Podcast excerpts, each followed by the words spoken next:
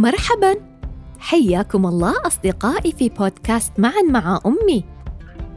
قصتنا اليوم عن بغبغاء حبست في قفص واستخدمت ذكاءها في إيجاد حل للهروب منه. دعونا نكتشف ماذا فعلت ولنستمع إلى أحداث القصة.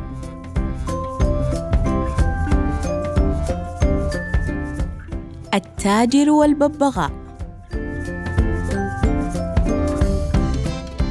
كان يا ما كان في سالف العصر والأوان. في إحدى قرى بلاد الشرق كان هناك تاجر له ببغاء جميلة فصيحة يحبها الجميع ويجتمع حولها.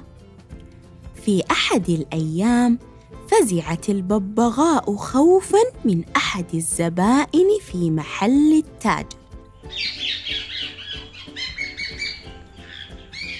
حيث أنه حاول إيذاءها ففرت هاربة غير مبصرة لما حولها. بوم! اصطدمت بأثمن ما في المحل. وعلى الفور انكسرت القطعة أمام أعين التاجر. فزمجر غاضبا وعاقبها بوضعها في قفص صغير. بعد أن كانت تتجول وتحلق على مد البصر. خفت صوت الببغاء وتلاشت كلماتها مع الأيام كما قل البيع في محله لعدم وجودها وحضور الناس من أجلها.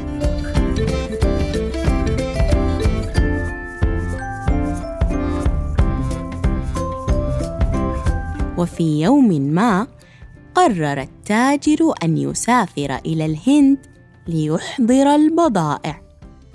فسأل أولاده اطلبوا وتمنوا ماذا تودون أن أحضر لكم معي عند عودتي؟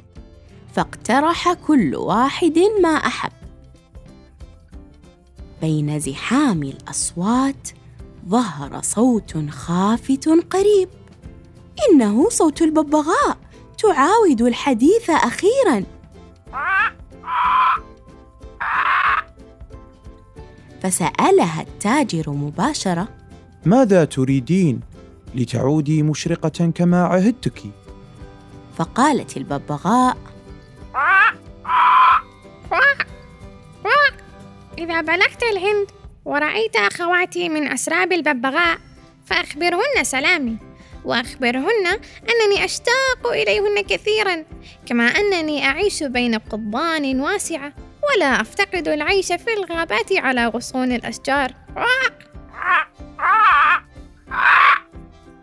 وفعلا حفظ التاجر رسالة الببغاء وأبلغها إلى سربها من ببغاوات الهند. وما إن سمعت إحداهن الرسالة إلى آخرها حتى ارتعدت وتيبست وسقطت أرضا. صعق التاجر مما حدث ولم يفهم سبب ذلك لكنه لام نفسه على إبلاغ رسالة لم يعرف عواقبها.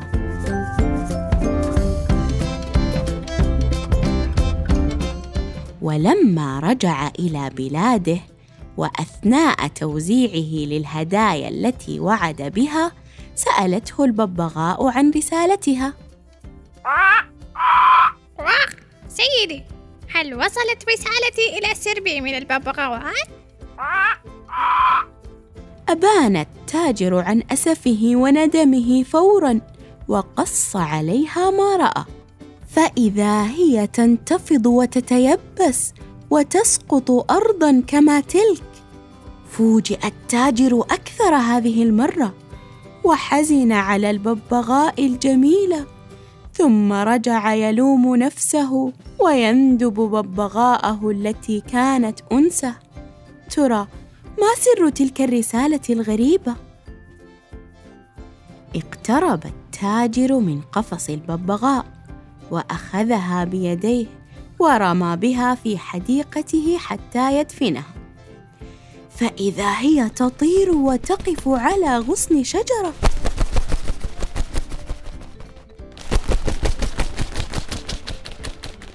دهش التاجر وبدأ يتساءل عن هذه الأعجوبة. فقالت له هذه هي الرسالة التي رجعت بها من الهند.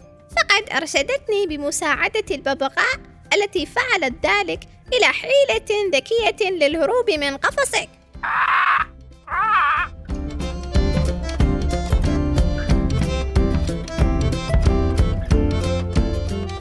أصدقائي ما رأيكم بدهاء البغبغاء وذكائها الذي أنقذها من القفص؟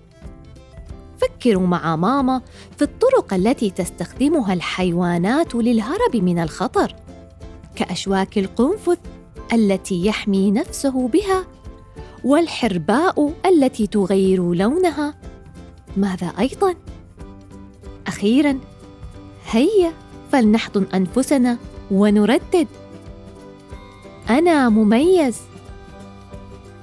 أنا ذكي. أحب نفسي وأحب أفكاري. أنا قارئ اليوم. أنا قائد الغد. شكرا لكم على حسن استماعكم. نلقاكم مجددا في بودكاست معا مع أمي من إثراء. دمتم في أمان الله.